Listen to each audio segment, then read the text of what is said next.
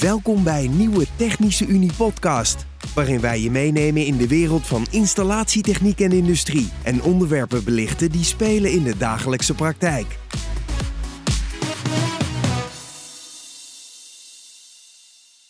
Welkom bij een nieuwe Technische Unie podcast. Uh, mijn naam is Erik de Hulst van Technische Unie. Um, en vandaag in gesprek met Erik Beck, onafhankelijk energieprestatieadviseur bij IDEA Nederland in Gorkum. En vandaag gaan we het samen hebben over de label C-verplichting voor kantoren voor 2023. Uh, Erik Beck, leuk, twee Eriken, allebei met een K. En toch gaan we het erover hebben waarom C beter is. Hoe vind je dat? Ja, die is fantastisch, uh, Erik. Nee, uh, ik zal me even inderdaad verder voorstellen. Mijn naam is dus Erik Beck van IDEA Nederland. Even een kleine toelichting. IDEA staat voor Inlichtingen Duurzame Energieadvies. Het wereldje waar we in zitten is uh, de energieprestatieadviezen, waar we het vandaag ook over hebben. de veranderingen in de, in de markt en met name even nu de nadruk op energielabel C. Uh, wat houdt dat in? Wat betekent dat? Dat is eigenlijk, uh, je gaf het al even aan, elk kantoor moet in 2023 voorzien zijn van een label C-functie. Anders vervalt het feit dat je deze als functie kantoor mag gebruiken. Nou, dat is, uh, nou duidelijker kan het niet op dit moment. je bent dus EPA-U-adviseur. Ehm, wat doet nou eigenlijk een onafhankelijk adviseur energieprestatieadvies voor de utiliteit? Nou, het hele, hele uh, wereldje is vandaag de dag opgebouwd dat alles wordt geregistreerd, alles wordt vastgelegd. Dat betekent dat we nu uh, hier te maken hebben met, uh, zoals je al aangeeft, de EPA-U, energieprestatieadvies voor de utiliteit. Dat wil niks anders zeggen dat er gekeken wordt wat de energiestromen zijn binnen zo'n gebouw. In dit geval dan een kantoor, want we hebben te maken met meerdere functies. Het gaat nu heel sec over de kantoren met de, met de kantoorfuncties. En dan wordt er zeg maar gekeken naar de installaties. Hoe is de bouwkundige opbouw? Dus de schil, beglazing van een gebouw. Uh, welke technieken zijn er aanwezig? Uh, op het elektrotechnische kant kijken we dan ook nog eens naar de verlichting. Want dat is een, uh, een, een, belangrijk onderdeel binnen de kantorenwereld. Hè, want heel veel verlichting om er goed mee te kunnen functioneren. En uiteindelijk gaat alles in een softwareprogramma. Vanuit het softwareprogramma komt er een energieindex uitgerold. En de energieindex wordt vertaald naar een energielabel. En die moet dus vallen in de bandbreedte label C. Om aan de verplichting te voldoen. Betekent overigens dat heel veel kantoren in Nederland daar niet aan voldoen. Waar dus een enorme uitdaging in zit om dat gerealiseerd te krijgen. Maar hoe komt dat nou? Hoe, hoe, hoe komt het nou dat vastgoedeigenaren, woningcorporaties, pandeigenaren, realisatiebedrijven zich er dan nog niet zo van bewust zijn dat hun panden voor het jaar 2023 naar dat energielabel moeten? Zelf merken wij in de maatschappij of in de markt dat eigenlijk de beleving er niet is, omdat gebouweigenaren bezig zijn met hun eigen doelstellingen. Dus dat wil zeggen, ik ben een kantooreigenaar, ik heb een handel in kantoorartikelen, laat ik maar even een, een, een, een punt nemen. Dus ik ben bezig met dat stukje. En niet van hoe zit mijn gebouw in elkaar? Welke energiestromen? Die maandelijkse factuur wordt gewoon betaald. Daar wordt niet eens naar gekeken. Dus die beleving is er niet. En dan erbij de, de, de, de kennis en know-how in de markt of de introductie van het hele verhaal. Het wordt door het Rijk geïntroduceerd. Die gooit het ergens bij een RVO op de website. En dan moet het maar landen. Dus wij ervaren en zien om ons heen dat het gewoon totaal onbekend is. En dan daarbij hebben we nog te maken met de bedrijfsmakelaars. Nou, met alle respect, daar kun je dus business uithalen, maar het gebeurt gewoon niet. Uh, maar het moet wel gebeuren. Uh, je gaf het zelf aan, 1 januari 2023.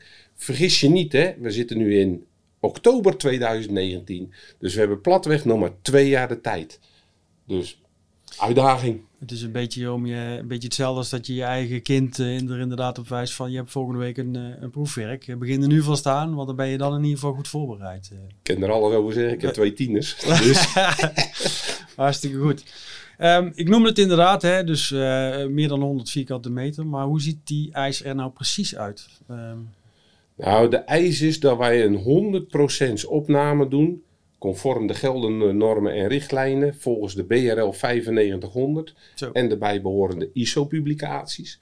Want alles is gewoon vastgelegd in, het, in de lijn hoe je het opnameprotocol doet, hoe je het gaat uitwerken, tot en met zeg maar, het vastleggen van eh, je energielabel.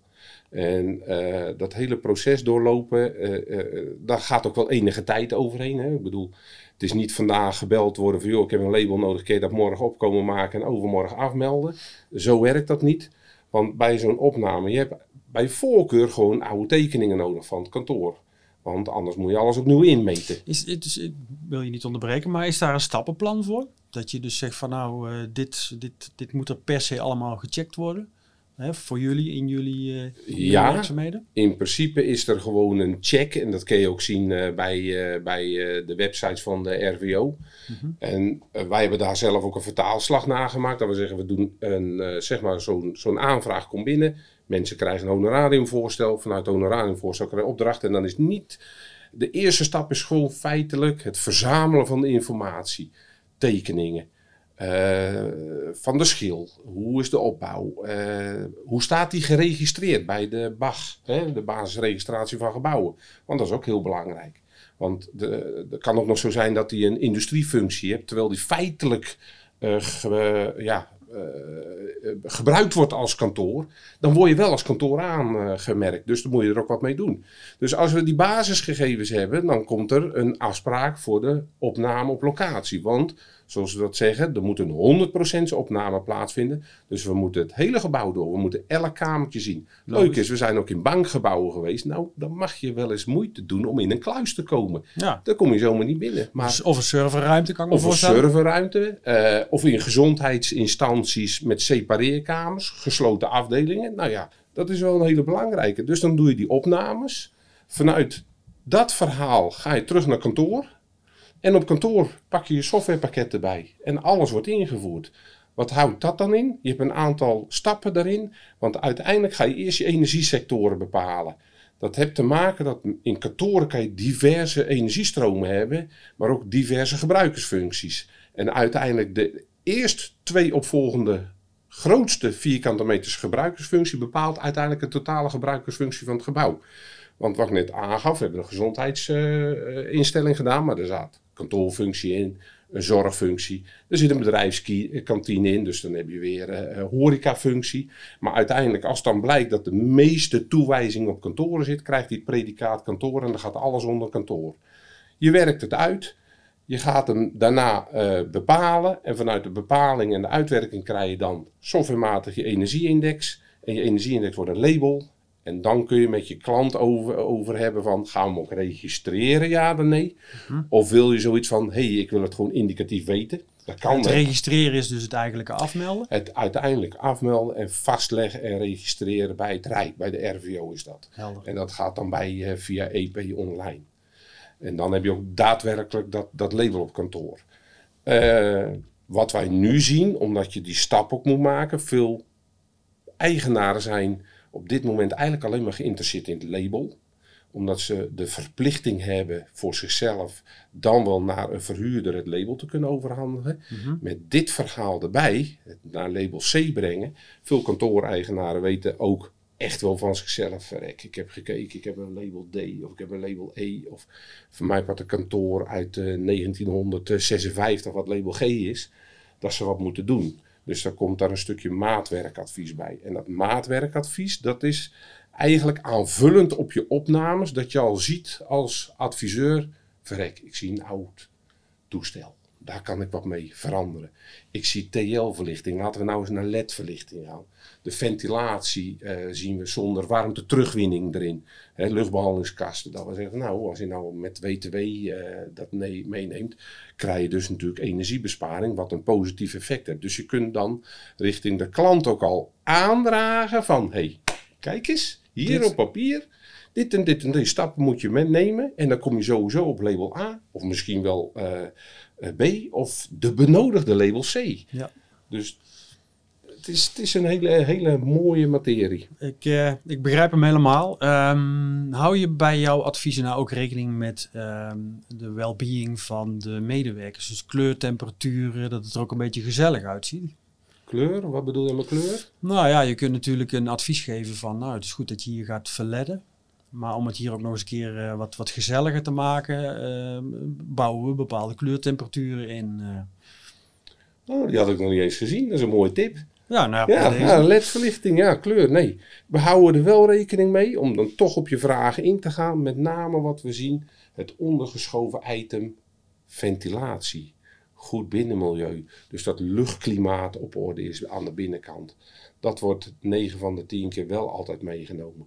Comfort van de bewoner. Maar denk ook aan oudere complexen met enkel glas. De kou die daar naar binnen valt. Dat je daarop inhaakt van, meneer, mevrouw, als u nou gewoon eens HR++ glas aanbrengt, wordt het ook een stukje comfortabeler voor uw werknemer of voor uzelf daar om bij het venster te zitten. En dus nu aanvullend gaan we LED meenemen. Ik Ja, vind dat wel ja. een eh, hele goeie. Je weet dat we lichtadviseurs in huis hebben. Dus als jij hulp nodig hebt, dan, eh, dan zetten we die graag eh, voor je in. Ik begrijp dat het heel veel eisend is. Eh, wat ik eh, nog niet helemaal begrepen heb, is welke kantoren er ehm, uitgezonderd zijn van de regel. Er zijn een paar vaste regeltjes. Eh, de verplichting geldt in deze niet voor kantoorruimtes die gebruikt worden als nevenfunctie. Dat wil zeggen, ik heb een, een, een, een ruimte, maar zeg maar 50% van de oppervlakte of kleiner, wat dan benut wordt eh, als kantoor. Dan gaat hij op zijn andere gebruikersfunctie door. Dat had ik net eigenlijk al een beetje aangehaald. Dus dan geldt het niet. Eh, monumenten, rijksmonumenten. Daar zit een, eh, een, een uitzondering op. En daarnaast, als blijkt dat je als eigenaar van plan bent om de boel te gaan slopen, te transformeren of onteigenen van een pand, dan heb je de verplichting ook niet. Maar moet wel schriftelijk aangetoond worden dat je dat ook daadwerkelijk dan gaat doen. Je kan niet nu gaan zitten roepen, joh, ik ga niet slopen. Of ik ga slopen en eh, over vier jaar staat het pand nog. En dan nog met kantoorhoudende functies eh, erin en mensen erin zetten. Dat gaat natuurlijk niet geaccepteerd worden. Dus moet wel echt zwart op wit eh, heel duidelijk en herkenbaar zijn voor de instantie die dit gaat bewaken. Helder. Ik zie aan je dat je eh, enthousiast bent over het onderwerp en dat je echt wel oproept tot, eh, tot actie. Dus dat is, eh, dat is top. Eh, ik ben het helemaal met je eens trouwens. Ehm, heb je nog tips aan de luisteraar? Tips voor de luisteraar? Nou, in ieder geval een hele belangrijke tip, denk ik. En dat is het feit dat er is nog maar twee jaar. En Nederland heeft niet de beschikking over duizenden EPU-adviseurs. Die markt is schaars. Dus zorg dat je er nu bij komt. Er nu alvast mee aan de haal gaat. Want anders betaal je straks gewoon de hoofdprijs. Of er is geen tijd en dan heb je straks de, de verplichting dat je je kantoortje kan eh, sluiten. Of een grote eh, rekening mag gaan betalen omdat je het niet op orde hebt. Dan kan je beter nu dat geld in gaan zetten in plaats van straks een boete betalen omdat je het niet op orde hebt. En dat is natuurlijk gewoon zonde. Ten tweede denk ik, maar dat is een tip ook naar de partijen eromheen. Eh, er moet meer kenbaar gemaakt gaan worden dat dit eraan zit te komen. Dus ook vanuit Technische Unie, vanuit de klanten van de Technische Unie, gewoon ook vanuit onszelf bekendmaken in de markt, dit staat te gebeuren. En dit is, in die zin, je hebt het gehoord, heel de planning en de route is niet zo zwaarwegend. Voor een paar duizend euro heb jij gewoon een maatwerkadvies. Ten opzichte van een besparing die je daarna jaren kan genieten. Want dat is natuurlijk ook nog een gegeven van een hoger energielabel naar minimaal C. Geeft ook altijd nog eens een besparing, comfortverhoging enzovoort. Dus luisteraar, gaat ervoor. Erik Beck, dankjewel. Uh, ik denk dat je heel duidelijk hebt uiteengezet wat het belang uh, is van, uh, ja, van de label C-verplichting voor 2023. Ehm, actie, toch? Ja, zeker. En eh, graag gedaan. Voor u als luisteraar nog een hele dik tip. Wilt u weten of uw pand al voldoet aan label C? Check het op ons platform Slim naar Label C op tu.nl slash label C. Bedankt voor het luisteren naar deze Technische Unie podcast. Ben je geïnteresseerd in wat er nog meer speelt in de installatietechniek en industrie? Check dan onze playlist of kijk op technischeunie.nl. Heb je een onderwerp waar je graag meer over wil horen? Mail dan je idee naar podcast.technischeunie.com. Wij maken het mogelijk.